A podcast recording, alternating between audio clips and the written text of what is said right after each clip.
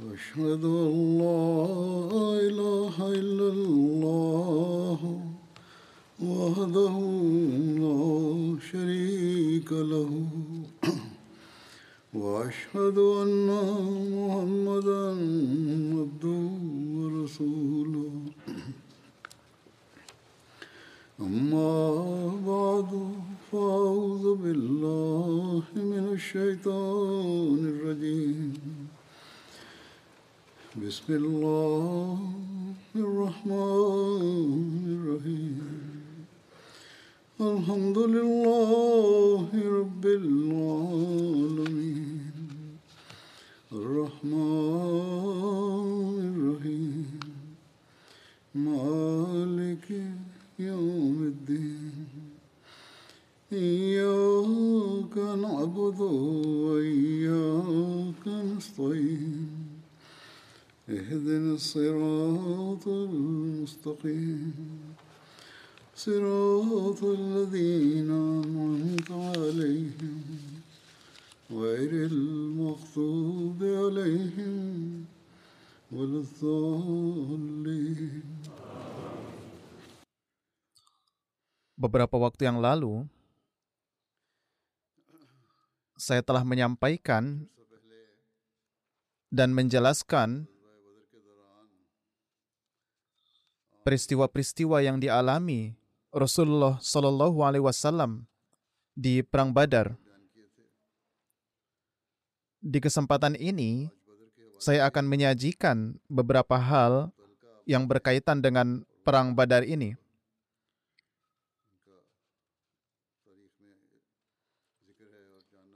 Hal-hal berikut ini telah tercatat dalam sejarah dan adalah penting untuk mengetahuinya juga. Sebagaimana telah disampaikan dalam khutbah-khutbah sebelumnya, Nabi Shallallahu Alaihi Wasallam kemudian bermukim di medan perang Badar selama tiga hari. Pada hari ketiga, beliau memerintahkan untuk mengencangkan pelana hewan tunggangan mereka.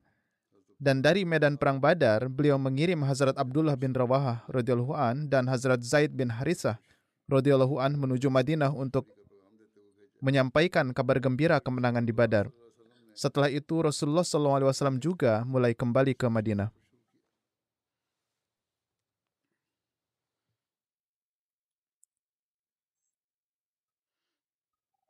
Bersama kafilah muslim yang meraih kemenangan ini, terdapat 70 tawanan dari kaum kafir Quraisy juga. Dalam buku sejarah tercatat, ada dua orang tawanan yang dihukum mati atau kisas dalam perjalanan karena kejahatan perang yang berat yang mereka lakukan, di mana hal ini sejalan dengan hukum adat pada masa itu. Salah satunya adalah Nadar bin Haris dan yang lainnya adalah Uqbah bin Abi Mu'ayyid. Namun tidak semua sejarawan setuju dengan peristiwa ini. Allama Ibnu Ishaq mengatakan bahwa ketika Rasulullah Shallallahu Alaihi Wasallam mencapai Safra sekembali dari Badar, Nadar bin Haris dibunuh oleh Hazrat Ali radhiyallahu an. Dalam Sirat Al-Halabiyah disebutkan bahwa Nadar dalam keadaan di penjara ketika berkata kepada temannya, Demi Tuhan, Muhammad akan membunuhku karena beliau menatapku dengan cara yang menggambarkan kematian. Temannya berkata kepada Nadar, Demi Tuhan, ini hanya karena ru'ub atau keagungan yang beliau miliki. Dengan kata lain, kamu mengalami hal ini hanya karena kamu merasa takut terhadap wujud Rasulullah Sallallahu Alaihi Wasallam. Setelah itu, Nadar berkata kepada Mus'ab bin Umair, Wahai Mus'ab, kamu lebih dekat hubungannya dengan sosok ini daripada diriku. Oleh karena itu, bicaralah dengan temanmu untuk menjadikanku sebagai tahanan saja. Demi Tuhan, ia pasti akan membunuhku. Mus'ab menjawab, Dulu kamu telah mengucapkan ini dan itu tentang kitab Allah kamu telah mengucapkan ini dan itu tentang Nabi Muhammad SAW. Dan kamu telah sering menyakiti dan melukai para sahabat Nabi SAW. Oleh karena itu, hal-hal di masa lalu ini telah melekat pada Anda Dan jika Anda akan dibunuh, maka itu adalah karena kejahatanmu ini. Dalam riwayat lain disebutkan bahwa saudara perempuan Nadar bin Haris, yaitu Kutailah bin Haris, mengucapkan beberapa bait tentang meninggalnya saudara laki-lakinya ini. Menurut pendapat sebagian lainnya, hal ini diucapkan oleh putrinya, yang mana kemudian ia menerima Islam. Ketika Rasulullah SAW mengetahui adanya gubahan syair ini, beliau sedemikian rupa bersedih hingga air mata berlinang di janggut beliau. Beliau SAW kemudian bersabda, jika bait-bait ini telah sampai padaku sebelumnya, yaitu sebelum dibunuhnya Nadar bin Haris, aku pasti akan berbaik hati padanya dan memaafkannya. Namun beberapa sejarawan menolak riwayat tentang syair ini dan beliau Shallallahu Alaihi Wasallam yang menangis saat mendengarnya. Beberapa sejarawan menolak seluruh kejadian tersebut. Meski demikian, Allah Ta'ala lah yang lebih mengetahui sebenarnya. Jika kejadian ini benar-benar terjadi karena kebaikan hati Rasulullah SAW, maka kesedihan beliau ini sangat mungkin terjadi beliau Wasallam adalah wujud yang sangatlah lemah lembut dan hati beliau penuh dengan belas kasih. Demikian pula ada riwayat lain mengenai Nadar bin Harith yang menyebutkan bahwa ia tidak dibunuh, seperti yang baru saja saya sebutkan. Sebaliknya ia tetap hidup dan ikut dalam perang Hunain bersama Rasulullah SAW, di mana beliau SAW memberinya 100 ekor unta sebagai ungkapan belas kasih beliau. Kemudian yang tertera dalam sejarah saat kembali dari medan perang Badar adalah peristiwa dibunuhnya Uqbah bin Abi Mu'aid. Ia dibunuh dalam perjalanan ke Madinah di Irkit Zabiha. Hazrat Asim bin Sabit Ansari yang membunuh Uqbah. Tetapi menurut riwayat lain, Hazrat Ali yang membunuhnya. Seorang sejarawan menulis, Nadar bin Haris dan Uqbah bin Abi Mu'aid adalah orang-orang yang menyulut perang melawan Islam dan merupakan di antara para pembesar yang merencanakan banyak kesulitan dan kerugian terhadap umat Islam. Karena sebab inilah mereka diberi hukuman ini.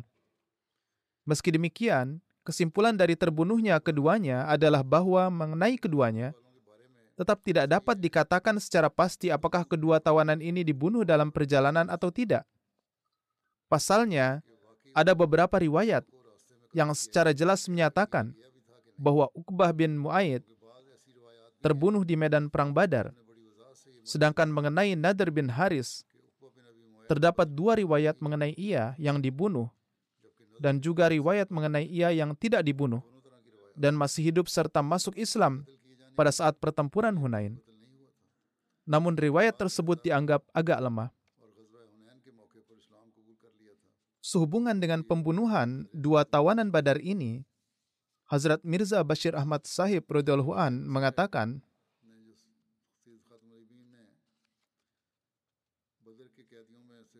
Di antara para pemimpin suku Quraisy yang tercatat ditawan saat itu, beberapa ahli sejarah menyebutkan nama Uqbah bin Abi Muaid dan ada tertera bahwa atas perintah Rasulullah SAW, ia kemudian dibunuh saat menjadi tawanan. Namun hal ini tidak benar riwayat hadis dan sejarah dengan sangat jelas menyebutkan bahwa Uqbah bin Abi Muaid terbunuh di medan pertempuran. Ini terjadi pada saat pertempuran dan ia tidak ditawan. Dan ia termasuk di antara para pembesar Mekah yang jenazahnya dikuburkan di sebuah tempat lubang. Meski demikian, riwayat tentang dihukum matinya Nadar bin Haris tertera di banyak riwayat. Alasan terbunuhnya adalah karena ia termasuk di antara orang-orang yang bertanggung jawab langsung atas kewafatan orang-orang Islam tak berdosa yang menjadi syahid di tangan kaum Quraisy di Mekah. Lebih jauh lagi, kemungkinan besar Nadar bin Haris termasuk di antara mereka yang secara keji telah mensyahidkan Haris bin Abi Halah, anak tiri Rasulullah SAW, di hadapan beliau pada masa awal Islam. Namun yang pasti, kecuali Nadar, tidak ada tahanan lain yang dieksekusi, dan bukan merupakan ajaran Islam untuk menghukum mati tahanan hanya karena mereka adalah musuh atau berperang atas nama pihak lawan. Oleh karena itu, kemudian ada perintah khusus yang diturunkan dalam Al-Quran sehubungan dengan hal ini juga. Selain itu, perlu juga diingat bahwa meskipun banyak riwayat yang mencatat penghukuman mati Nadar bin Haris, ada juga riwayat tertentu yang membuktikan bahwa ia tidak dihukum mati. Sebaliknya, ia tetap hidup setelah peristiwa Badar selama beberapa masa dan akhirnya menjadi seorang Muslim dan bergabung dengan pasukan Rasulullah SAW pada kesempatan Ghazwah atau Perang Hunain. Namun riwayat terakhir ini dianggap lemah jika dibandingkan dengan riwayat yang disebutkan pertama. Wallahu alam. Jadi, jika ada yang dihukum mati di antara para tahanan, maka Nadir bin Harislah yang dihukum sebagai tindakan kisas atau pembalasan. Dalam hal ini diriwayatkan juga bahwa setelah hukuman matinya, ketika beliau Wasallam mendengar gubahan syair yang menyedihkan dari saudara perempuannya, beliau Wasallam bersabda, Seandainya bait-bait ini sampai padaku lebih awal, aku akan memaafkan Nadar. Jadi, kecuali Nadir, tidak ada tahanan lain yang dihukum mati. Inilah kesimpulan yang diambil Hazrat Mirza Bashir Ahmad radhiyallahu an dari buku-buku sejarah. Di pertempuran Badar, ada 70 orang kafir yang dibunuh di tangan kaum muslim.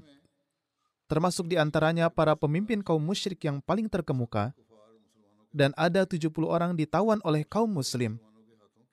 Terkait dengan jumlah tawanan, ada juga catatan atau riwayat yang menyebutkan ada 49 dan 74 orang. Namun jumlah orang kafir yang ditawan yang paling benar dan diterima adalah 70 orang. Berbagai kitab sejarah menyebutkan ada 70 orang. Ada riwayat dalam Sahih Bukhari yang menyebutkan bahwa pada hari Badar, Nabi suci SAW dan para sahabat beliau telah menghabisi 140 orang kafir, yaitu ada 70 orang yang ditawan dan ada 70 orang yang dibunuh. Mengenai para tawanan musyrik, yaitu orang-orang yang masuk Islam setelah perang Badar, tertulis bahwa para sahabat memperlakukan mereka dengan sangat baik, sesuai dengan petunjuk Nabi Wasallam. Di antara para tawanan tersebut, terdapat beberapa orang yang beruntung karena terkesan dengan ajaran Islam dan teladan luhur para sahabat dan menjadi muslim. Mereka juga telah mencantumkan beberapa nama mereka secara rinci. Seperti Abbas bin Abdul Muthalib, Wakil bin Abi Talib, Naufal bin Haris, Abul As bin Rabi, Abu Aziz yang bernama Durarah bin Umar bin Umair Abdari, Sa'ib bin Abi Huwais, Khalid bin Hisam Makhzumi, Abdullah bin Abi Sa'ib, Muttalib bin Hantab, Abu Ida Sahmi, Abdullah bin Ubay bin Khalaf Jumhi, Wahab bin Umair Jumhai, Suhail bin Amr, Amri, Abdullah bin Zam'ah, yang adalah saudara Ummul Mukminin Saudah binti Zam'ah, Kais bin Saib, Mistas yang merupakan budak Umayyah bin Khalaf, dan Saib bin Ubaid mereka semua membayar uang tebusan mereka pada hari Perang Badar dan menerima Islam.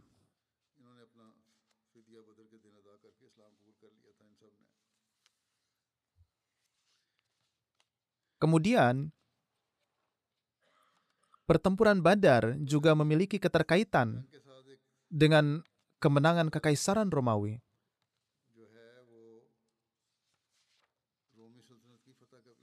Mengenai Kekaisaran Romawi, ada nubuatan Nabi Shallallahu Alaihi Wasallam. Dan seperti yang saya sebutkan, ini ada hubungannya dengan perang Badar juga. Oleh karena itu, tepat untuk menyebutkan hal ini di sini. Surah Ar-Rum diturunkan pada tahun kelima kenabian, yang di dalamnya terdapat nubuatan kemenangan kerajaan Bizantium. Saya akan menyebutkan rinciannya ketika Allah Ta'ala menurunkan ayat-ayat pertama surat Ar-Rum, Hazrat Abu Bakar Siddiq radhiyallahu an mengumumkan seraya membaca ayat-ayat ini di penjuru kota Mekah. Alif Lam Mim. Gulibatir Rum. Fi adnal ardi wahum min ba'di gulabihim sayaglibun. Fi bid'in sinin. Yakni bangsa Romawi telah dikalahkan di negeri yang dekat, dan mereka dan sesudah mereka dikalahkan, mereka akan meraih kemenangan, yaitu antara 3 sampai 9 tahun. Kaum musyrik di Mekah, di Mekahlah ayat-ayat ini diturunkan, berharap agar bangsa Persia bisa mengalahkan bangsa Romawi, karena mereka adalah penyembah berhala seperti mereka. Saat itu orang Persia dan Iran adalah penyembah berhala dan penyembah api, dan penduduk Mekah juga adalah penyembah berhala. Mereka menghendaki agar bangsa Persia menang, sedangkan umat Islam saat itu menghendaki agar bangsa Romawi mengalahkan Persia karena mereka adalah ahli kitab. Mereka menyebutkan hal ini kepada Hazrat Abu Bakar radhiyallahu an dan beliau menyampaikan hal ini kepada Rasulullah sallallahu alaihi wasallam yang mana beliau bersabda, mereka pasti akan menang, yaitu orang-orang Romawi. Hazrat Abu Bakar radhiyallahu an menceritakan hal ini kepada orang-orang musyrik maka mereka berkata, tetapkan waktu di antara kita, yakni masang syarat. Jika kami menang, maka ini dan itu yang akan terjadi. Jika Anda menang, maka ini dan itu yang akan menguntungkan Anda. Mereka lalu menetapkan jangka waktu lima tahun. Sementara itu menurut riwayat lain adalah enam tahun. Di dalam syarah Sunan At-Tirmizi, Tufatul Ahwazi tertera bahwa umat Islam berbahagia pada hari ketika Romawi mengalahkan Persia. Dan mereka mengetahui hal ini pada hari Perang Badar. Ketika bersamaan dengan itu, mereka diberi kabar gembira oleh Jibril alaihissalam berupa pertolongan atas kaum musyrik di Badar. Inilah saat Jibril alaihissalam menyampaikan kabar suka pertolongannya atas kaum musyrik bersamaan dengan membawa berita kemenangan tersebut. Jadi inilah kaitan antara perang tersebut dengan perang Badar. Pada hari yang sama ketika mereka menang dalam perang Badar, mereka pun diberi kabar gembira tentang kemenangan Romawi. Dalam satu riwayat Sahih Bukhari, di dalam syarahnya, Alamah Badruddin Aini menulis sehubungan dengan nubuatan kemenangan Romawi. Ketika Romawi berperang melawan Persia, umat Islam menginginkan agar kaum Romawi mengalahkan orang-orang Persia, dan mereka mendukungnya karena mereka adalah ahli kitab. Orang-orang Islam merasa kasihan kepada orang-orang Romawi karena mereka adalah ahli kitab. Sedangkan orang-orang kafir Quraisy berharap agar orang-orang Persia menang karena mereka adalah orang-orang Majusi atau penyembah api. Dan orang-orang kafir di Mekah juga merupakan penyembah berhala. Jadi, ketika syarat ditetapkan antara Hazrat Abu Bakar radhiyallahu an dan Abu Jahal mengenai hal ini, Rasulullah SAW bersabda, di sana tertera lafaz bid'un, dan lafaz bid'un itu berarti sampai tujuh atau sembilan, maka dari itu tambahlah periodenya. Oleh karena itu mereka lalu menambahnya. Pada akhirnya bangsa Romawi menang dan Allah Ta'ala berfirman, Alif Lam Mim, Gulibatir Rum, Fi Adnal Ardi, wahum min ba'di ghalabihim sayaglibun. Fi bid'i sinin lillahil amru min qablu wa min ba'du wa yawma izin yafrahul mu'minun binasrillah.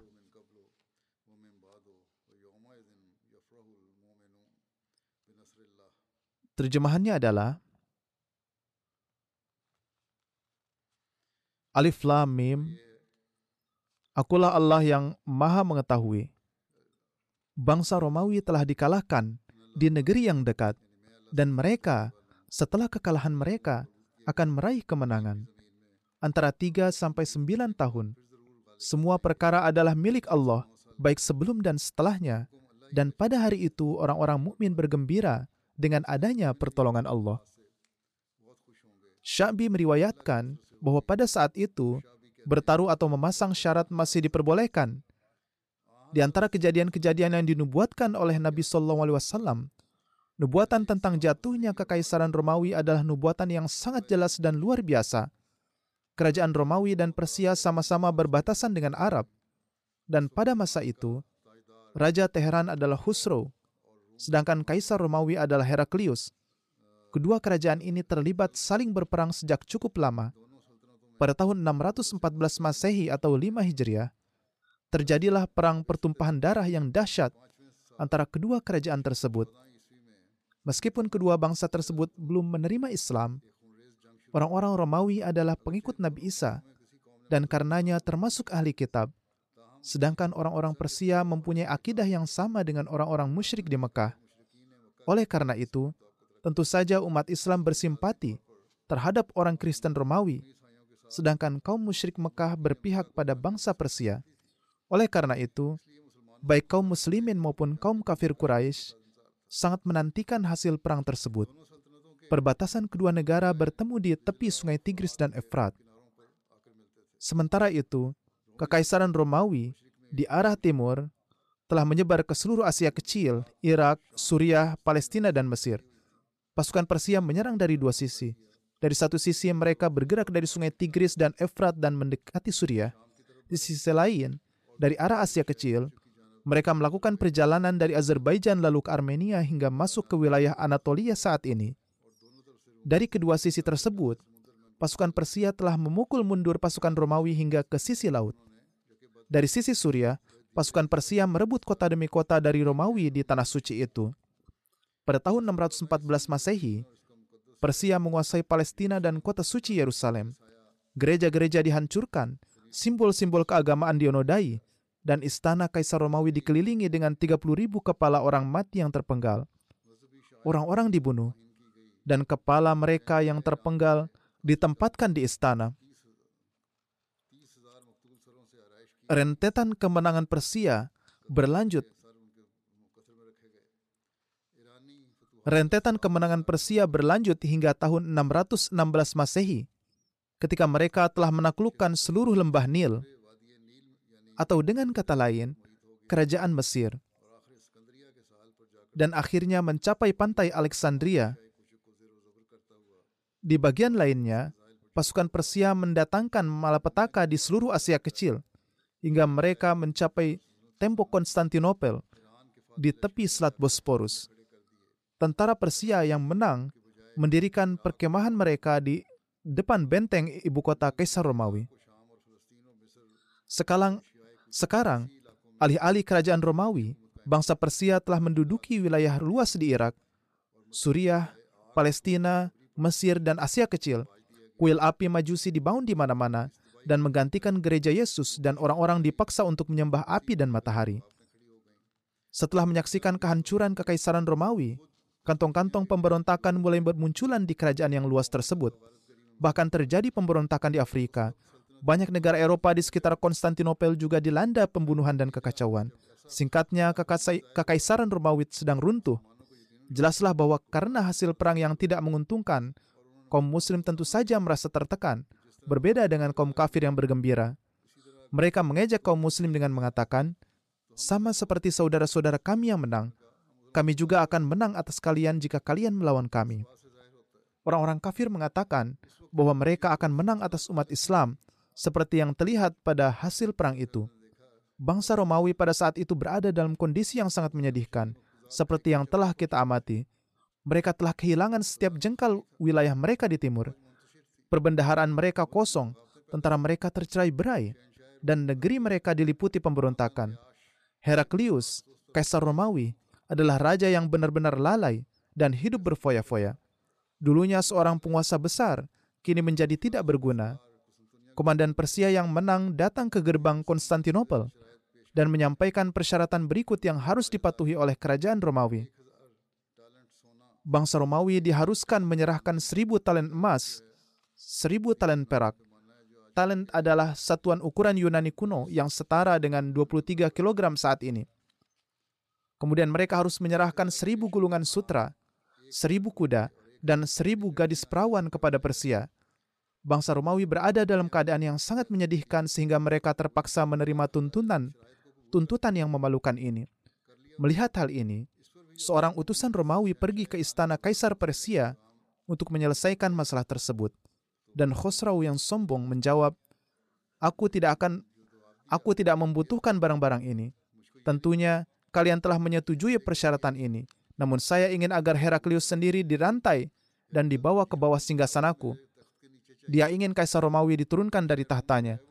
Aku tidak berdamai sampai Kaisar Romawi meninggalkan Tuhannya yang disalib dan bersujud di hadapan Dewa Matahari. ia harus meninggalkan agama Kristen.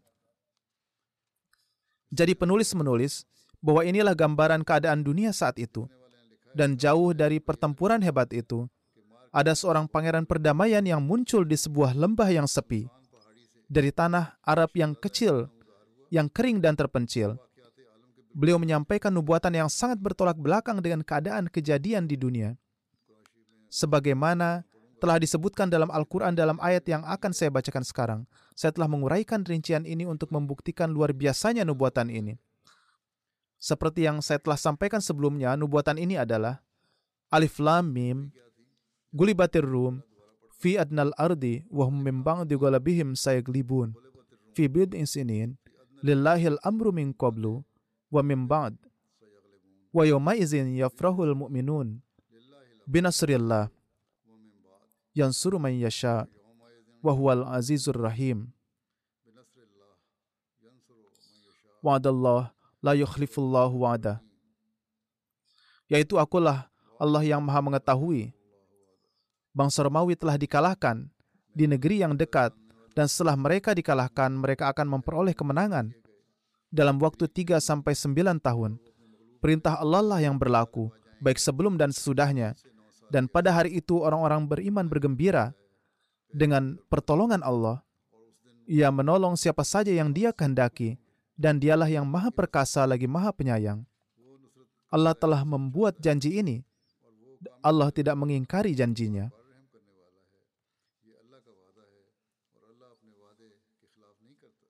Orang yang menulis menuturkan nubuatan ini berdasarkan kejadian-kejadian, nubuatan ini tidak masuk akal dan tidak dapat diterima. Orang-orang kafir telah berjanji untuk menyerahkan sebagian besar unta mereka jika nubuatan ini tergenapi. Kini umat Islam dan kaum kafir sangat menantikan untuk melihat perubahan peristiwa yang ada. Pada akhirnya dalam beberapa tahun saja, dunia menyaksikan perkembangan yang tidak terduga. Saat menulis tentang Heraklius, Edward Gibbon, penulis terkenal dan sejarawan tentang jatuhnya kekaisaran Romawi, yang menyatakan pada tahun-tahun pertama dan terakhir dari masa pemerintahan yang panjang, kaisar tampak menjadi budak kemalasan, kesenangan atau tahayul, hanya menjadi penonton bencana rakyat dan pemimpin yang ceroboh dan tidak berdaya. Namun kabut hitam yang melanda hari-hari mereka ini berakhir dengan terbit terangnya matahari di ufuk, yaitu pada tahun 621 Masehi.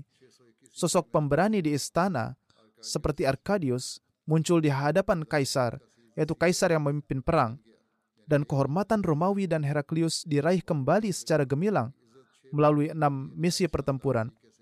Contoh yang ia sebutkan adalah tentang Arkadius.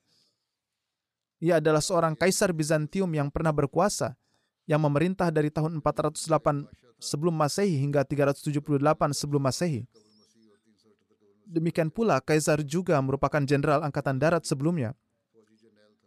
Meskipun demikian, ketika Heraklius menggerakkan sisa pasukannya dan mengatur keberangkatan dari Konstantinopel, orang-orang mengetahui bahwa dunia sedang menyaksikan pasukan terakhir Kaisar Bizantium yang berkasa.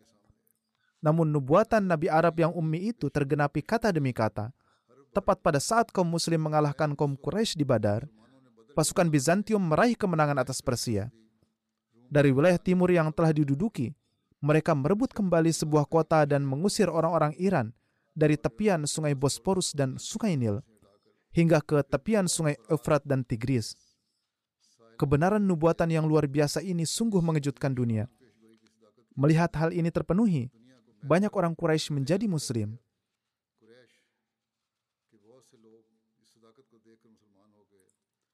Dan setelah 1200 tahun, Edward Gibbon yang bukan seorang Muslim bingung dengan kebenaran nubuatan yang luar biasa ini dan menerima kebenarannya. Ia mengatakan, dengan berada di perbatasan dua kerajaan timur yang besar, Muhammad SAW merenungkan secara mendalam bagaimana cara menghancurkan keduanya dan dengan tenang memikirkan bagaimana menjalankan rencananya. Ketika bangsa Iran baru saja memperoleh kemenangan-kemenangan yang menentukan, beliau dengan berani membuat nubuatan bahwa dalam beberapa tahun lagi, kemenangan dan keberhasilan bangsa Bizantium akan berkibar bersama dengan bendera mereka. Pada saat nubuatan ini disampaikan, tidak ada nubuatan lagi yang tampak tidak mungkin terwujud, karena di 12 tahun pertama, Heraklius telah mengumumkan semakin dekatnya kehancuran kekaisaran Romawi. Para penulis sejarah Romawi telah menyebutkan rincian yang aneh dalam penjelasan mereka akan perubahan yang menakjubkan dan besar dalam sifat-sifat Heraklius. Namun Gibbon menjelaskan, sedikit yang mereka tahu bahwa jauh dari pertempuran brutal ini, ada tangan kenabian yang telah diulurkan untuk membantu Bizantium, dan faktor terbesar dari perubahan yang luar biasa ini adalah adanya pengaruh kerohanian ini. Ini tertulis dalam Mustadrak dan Jami' Trimizi. Gibbon sendiri yang mengutip ini, yaitu ketika Perang Bizantium Persia dimulai, para penyembah berhala di Mekah mendukung Persia karena mereka juga penyembah berhala. Kaum muslim memihak Bizantium karena mereka adalah ahli kitab. Pada saat nubuatan surat Ar-Rum ini diturunkan, Persia sedang menghancurkan Bizantium. Hazrat Abu Bakar dengan penuh semangat menceritakan nubuatan ini kepada semua penyembah berhala, yang mana para penyembah berhala mengatakan untuk menentukan jangka waktunya. Hazrat Abu Bakar menetapkan lima tahun. Ketika Nabi SAW mengetahui hal ini, beliau bersabda, Bin Isinin, berarti jangka waktu 3 sampai 9 tahun. Oleh karena itu, tetapkan batas waktu di bawah 10 tahun.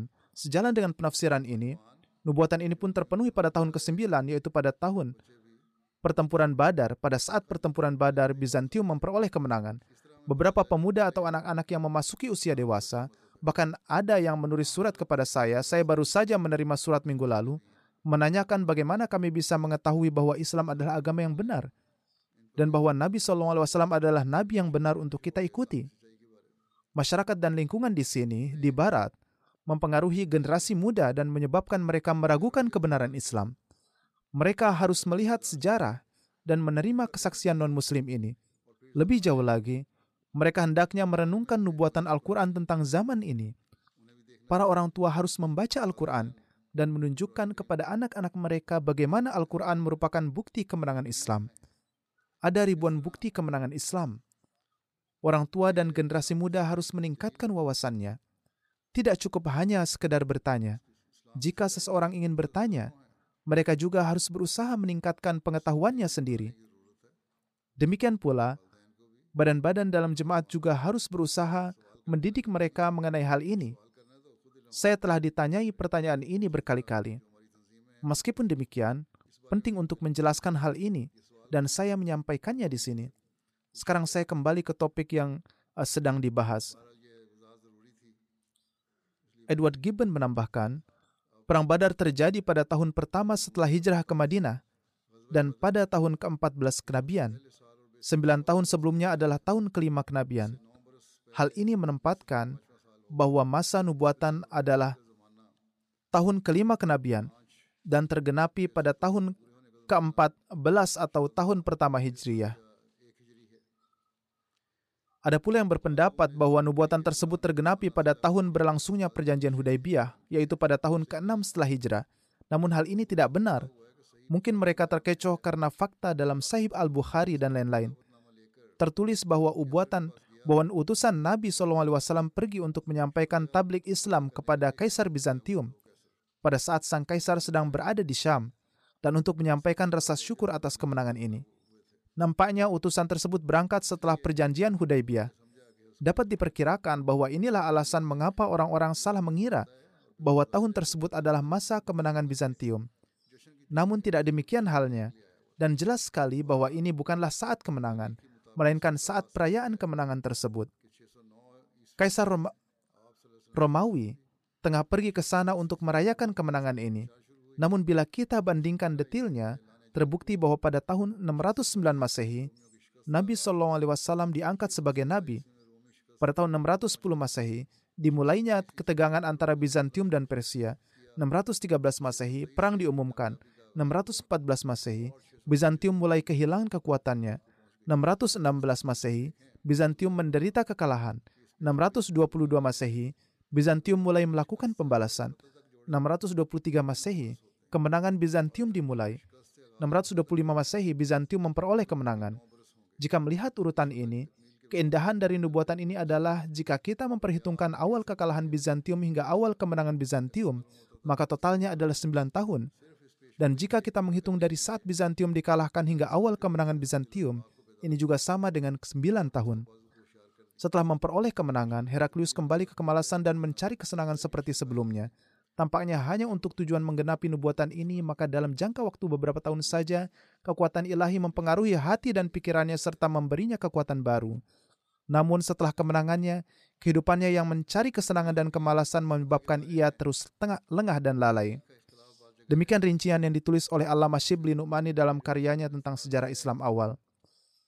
Mengenai perbedaan pendapat waktu kemenangan Kekaisaran Romawi, Hazrat Mirza Bashir Ahmad Saib an telah menyelaraskan hal ini dengan menyatakan bahwa riwayat yang menyatakan bahwa kemenangan Kekaisaran Romawi terjadi pada era perjanjian Hudaibiyah tidaklah bertentangan karena sebenarnya kemenangan Kekaisaran Romawi terbentang dari, pera, dari Perang Badar hingga perjanjian Hudaibiyah.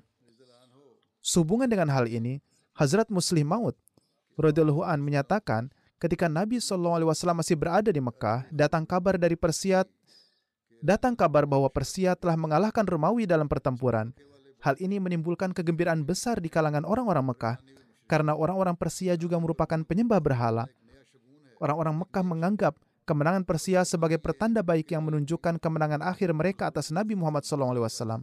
Pada kesempatan itu Nabi SAW menerima wahyu. Alif Lam Mim, Gulibatir Rum, fi adnal ardi wa hum min ba'di gulabihim sayaglibun, fi bid'in sinin bahwa bangsa Romawi telah ditaklukkan di negeri tetangga Syam. Namun janganlah menganggap hal ini sebagai hasil akhir. Dalam waktu sembilan tahun setelah kekalahan mereka, Romawi akan kembali menang. Ketika wahyu ini diumumkan ke kalangan orang Mekah, mereka tertawa dan mencemooh umat Islam. Beberapa dari mereka bertaruh seratus ekor unta dengan Hazrat Abu Bakar radhiyallahu an. Mereka menyatakan bahwa jika bahkan setelah kekalahan tersebut Bizantium berhasil meraih kesuksesan, mereka akan memberinya 100 ekor unta. Namun jika hal ini tidak terjadi, maka dia harus memberi mereka 100 ekor unta. Peristiwa-peristiwa yang terjadi menunjukkan bahwa sangat kecil peluang bagi Romawi untuk mengalahkan Persia, karena kekalahan mereka di Syam diikuti oleh kemenangan lebih lanjut dari Persia dan tentara Romawi didorong mundur secara bertahap ke tepi Laut Marmara. Konstantinopel terputus dari kekuasaannya di timur dan kekaisaran Romawi dikecilkan menjadi sebuah negara kecil namun firman Tuhan pasti akan tergenapi. Dalam keadaan putus asa, Kaisar Romawi sendiri berangkat dari Konstantinopel bersama pasukannya dan bertemu pasukan Persia di pantai Asia untuk pertempuran yang menentukan. Pasukan Romawi, meski jumlahnya lebih kecil dan persenjataannya tidak selengkap pasukan Persia, meraih kemenangan yang telak, seperti yang dinubuatkan dalam Al-Quran, dan pasukan Persia pun tersingkir mereka terpaksa mundur ke Persia tanpa menemukan tempat beristirahat di mana pun. Dan Romawi menduduki kembali wilayah mereka di Asia dan Afrika. Hazrat Masih Maud alaihissalam bersabda, ketika Hazrat Abu Bakar Siddiq radhiyallahu an bertaruh dengan Abu Jahal tentang nubuatan Al-Quran, Alif Lam Mim, Gulibatir Rum, Fi Adnal Ardi, Wahum Min Ba'di Gulabihim Sayaglibun. Fi Bid'in Sinin, ditetapkan jangka waktu tiga tahun. Ketika Nabi Suci Sallallahu Alaihi Wasallam mengetahui hal ini, setelah merenungkan nubuatan tersebut dan karena pandangan beliau yang jauh ke depan, beliau meminta Abu Bakar Siddiq untuk membuat perubahan terhadap rincian taruhan tersebut dengan menyatakan bahwa kata bid'in sinin memiliki arti yang lebih luas dan sering kali berarti hingga sembilan tahun. Hazrat Masih Maud selanjutnya bersabda, pada masa Nabi Shallallahu Alaihi Wasallam, orang-orang Persia menganut paham musyrik dan Kaisar Romawi berangga, beragama Nasrani dan beriman kepada Allah Ta'ala. Hal ini juga yang menjadi alasan umat Islam memihak mereka. Hazrat Masih Maud Wasallam selanjutnya menyatakan, Kaisar Romawi adalah seorang Kristen dan percaya pada satu Tuhan dan tidak percaya Isa Wasallam sebagai anak Tuhan. Oleh karena itu, ketika status Isa Wasallam diperlihatkan kepada sang kaisar berdasarkan Al-Quran, ia berkata, menurut hemat saya, status Yesus tidak lebih tinggi, bahkan sedikit pun, dibandingkan dengan status yang telah disebutkan dalam Al-Quran. Kesaksiannya ini juga tercatat dalam Sahih Bukhari yang menyatakan, saya bersaksi bahwa perkataan ini sama dengan yang terdapat dalam Taurat. Status Nabi Isa tidak lebih tinggi dari seorang nabi. Berikut ini diturunkan ayat Al-Quran. Alif Lam Mim gulibatir rum fi adnal ardi wa hum min ba'di sayaglibun fi bid'i sinin lillahil amru min qabl wa min ba'di wa yawma izin yafrahul mu'minun. Artinya bangsa Romawi telah dikalahkan, namun dalam waktu singkat, dalam waktu sembilan tahun mereka akan kembali menang. Umat Kristiani karena kekenakalannya menuduh bahwa Nabi suci SAW telah memprediksi kekuatan dua dua kekuatan tersebut dan kemudian berdasarkan firasatnya mengumumkan ramalan ini. Sebagai jawabannya, kami katakan bahwa Nabi Isa alaihissalam juga bisa mengecek, juga biasa mengecek lalu memprediksi orang-orang yang sakit yang mempunyai potensi untuk menjadi lebih baik dan kemudian menyembuhkan mereka dari penyakitnya. Hazrat Masih Maud alaihissalam menanggapi tuduhan mereka dengan membuat perbandingan sebagai sebuah contoh. Dalam kasus seperti ini, Nabi Isa alaihissalam tidak akan memperlihatkan satu mujizat pun. Yauma izin yafrahul mu'minin. Pada hari itu orang-orang yang beriman akan dianugerahi dua kemenangan, kegembiraan. Salah satunya adalah kemenangan dalam perang Badar dan yang kedua adalah terpenuhinya nubuatan tentang kemenangan Bizantium. Namun jika mereka menyatakan bahwa Nabi SAW telah memprediksi situasi tersebut dari sebelumnya, maka keadaan di sekitar perang Badar benar-benar berbeda. Namun kabar gembira tentang kemenangan ini juga disebutkan bersamaan dengan itu. Hazrat Masih Maud alaihissalam selanjutnya menyatakan, Al-Quran penuh dengan nubuatan yang tak terhitung jumlahnya, seperti nubuatan luar biasa mengenai kekaisaran Romawi dan kekuatan Persia, Nubuatan ini disampaikan pada masa ketika kaum musyrik, yaitu kekaisaran Persia mengalahkan kekaisaran Romawi, dan sebagai hasilnya, menguasai sebagian tanah mereka. Kaum musyrik di Makkah menganggap kemenangan Persia ini sebagai pertanda baik bagi mereka. Mereka percaya bahwa sama seperti mereka, orang Persia juga musyrik, dan oleh karena itu mereka juga akan mengalahkan nabi mereka yang syariatnya mirip dengan ahli kitab. Saat itulah Allah Ta'ala mengungkapkan nubuatan ini dalam Al-Quran dan menyatakan bahwa kekaisaran Romawi pada akhirnya akan menang. Karena nubuatan ini mengenai kemenangan kekaisaran Romawi, maka surat ini diberi nama surat Ar-Rum. Karena kaum musyrik di Arab menganggap kemenangan kekaisaran Persia sebagai tanda kemenangan mereka sendiri, maka Allah Ta'ala juga menyatakan bahwa nubuatan ini, dalam nubuatan ini bahwa ketika kekaisaran Romawi sekali lagi menang, umat Islam juga akan memperoleh kemenangan atas kaum musyrik. Maka inilah yang terwujud dan Al-Quran yang berkaitan dengan hal ini adalah sebagai berikut. Alif lam mim gulibatir rum fi adnal ardi hum min ba'di gulabihim sayaglibun fi bid'in sinin lillahil amru min qabl wa min ba'd wa yawma izin yafrahul mu'minun. Akulah Allah yang maha mengetahui. Bangsa Romawi telah dikalahkan di negeri terdekat dan mereka setelah kekalahan mereka akan menang setelah jangka waktu 3 sampai 9 tahun. Dan pada hari itu orang-orang beriman bergembira. Hal inilah yang terjadi dan dalam kurun waktu 3 sampai 9 tahun yang ditentukan, Kekaisaran Romawi kembali meraih kemenangan atas Persia. Pada hari yang sama umat Islam juga memperoleh kemenangan atas kaum musyrik karena pada hari itu terjadi perang Badar yang mana umat Islam diberikan kemenangan. Hazrat Masih Maud alaihissalam bersabda, renungkanlah betapa menakjubkan dan agungnya nubuatan ini. Nubuatan ini diumumkan pada saat umat Islam berada dalam bahaya besar karena kondisi mereka yang sangat lemah dan rapuh serta tidak mempunyai harta dan kekuatan apa pun, mengingat kondisi mereka, musuh akan mengklaim bahwa mereka akan dihancurkan dengan sangat cepat. Selain itu, jangka waktu juga ditentukan dalam nubuatan ini dengan menyatakan, Yauma izin yafrahul mu'minun. Disebut juga bahwa nubuatan ini memiliki dua aspek, yaitu bahwa pada hari kekaisaran Romawi memperoleh kemenangan atas Persia, umat Islam juga akan diberikan kesuksesan dan kegembiraan. Seperti yang disebutkan dalam nubuatan ini memang tergenapi pada hari Badar dan sama seperti kekaisaran Romawi memperoleh kemenangan demikian pula umat muslim. Rangkaian peristiwa dari kehidupan Nabi SAW ini akan terus berlanjut. Insya Allah sisanya akan saya sampaikan di lain waktu. Usai sholat Jumat, saya juga akan memimpin sholat jenazah gaib, yaitu yang terhormat Firas Ali Abdul Wahid dari Inggris. Sesuai takdir Allah, beliau beberapa hari lalu meninggal dunia pada usia 47 tahun. Innalillahi wa inna ilaihi raji'un. Beliau berasal dari Irak dan bayat masuk jemaat pada tahun 2012. Beliau meninggalkan istri dan satu putri. Beliau telah menghafalkan Al-Quran ketika masih kecil. Seiring bertambahnya usia, beliau mengikuti ideologi ekstremis sehingga menjadi salah satu muslim garis keras. Beliau bahkan menjual televisinya dengan mengatakan bahwa menontonnya adalah haram. Ia juga merobek semua foto di rumahnya. Dan mengatakan bahwa itu juga haram.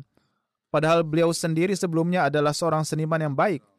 Namun setelah memperoleh ilmu agama dari, dari beberapa ulama yang menjadi sangat fanatik dan menjauhkan diri dari gambar apa pun. Namun kemudian beliau menjadi ragu apakah ia benar, yaitu apakah Islam itu benar.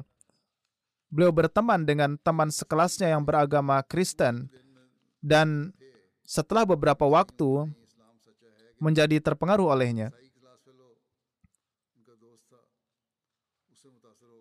Karena beliau tidak mampu menghilangkan keraguannya atau menemukan jawaban atas pertanyaannya tentang Islam, beliau menjadi seorang Kristen. Namun, seiring berjalannya waktu, beliau kembali tergerak oleh cinta beliau kepada Rasulullah SAW dan kembali masuk Islam. Beliau sangat pekerja keras dan rajin belajar. Beliau memperoleh gelar dari Universitas Basra di Fakultas administrasi bisnis dan ekonomi. Beliau memiliki hasrat untuk belajar bahasa, sehingga menjadi fasih berbahasa Inggris dan belajar bahasa Prancis, Spanyol, Jerman, dan juga Rusia sampai tingkat tertentu. Pada tahun 2009, beliau pindah ke sini, ke Inggris bersama istri beliau, Dan di sinilah Allah Ta'ala menganugerahinya seorang putri. Setibanya di Inggris, Firas Sahib kebetulan menonton MTA Al-Arabia, dan dari sanalah beliau mulai menerima jawaban atas pertanyaan-pertanyaannya.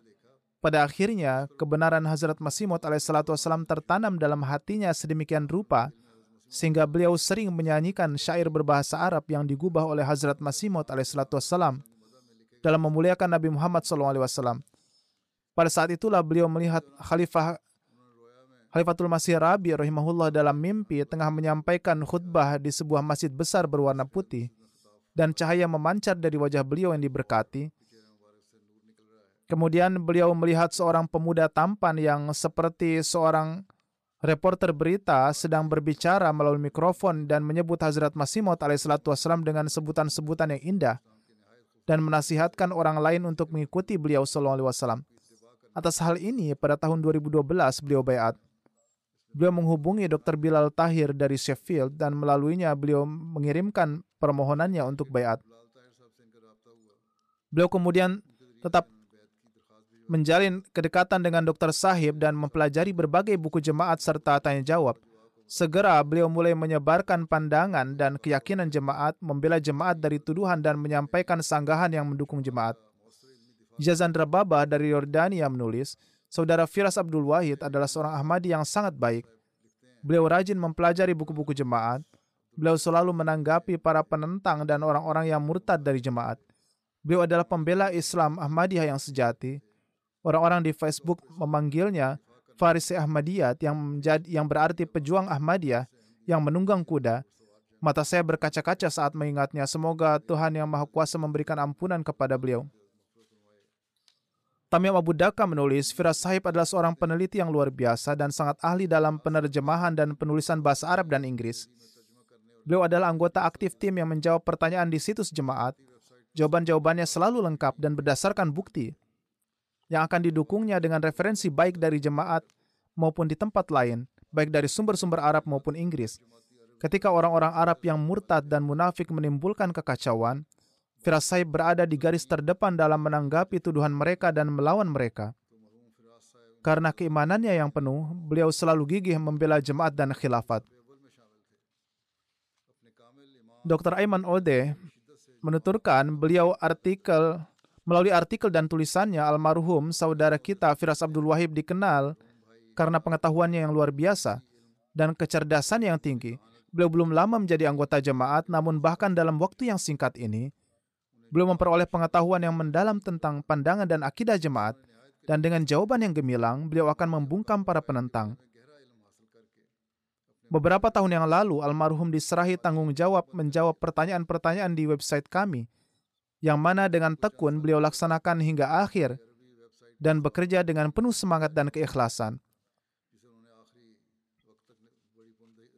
Di situs tanya jawab berbahasa Arab, Bisati Ahmadi, beliau memiliki sekitar 800 artikel dan tanggapan terhadap tuduhan dan pertanyaan yang terus membuktikan betapa mendalamnya keilmuan beliau dan hasrat untuk menyebarkan pandangan dan keyakinan jemaat dalam menanggapi keberatan mereka. Semoga Allah Ta'ala memberikan ampunan dan rahmat kepada almarhum serta meninggikan derajat beliau. Semoga dia melindungi istri dan putri beliau dan memberi mereka kesabaran dan ketabahan. Semoga Allah Ta'ala menerima harapan baik untuk keluarganya. Semoga ia menerima doanya. Semoga Allah Ta'ala menganugerahkan kepada jemaat orang-orang seperti beliau. Seperti yang saya katakan, setelah sholat Jumat, insya Allah saya akan pimpin sholat jenazah beliau.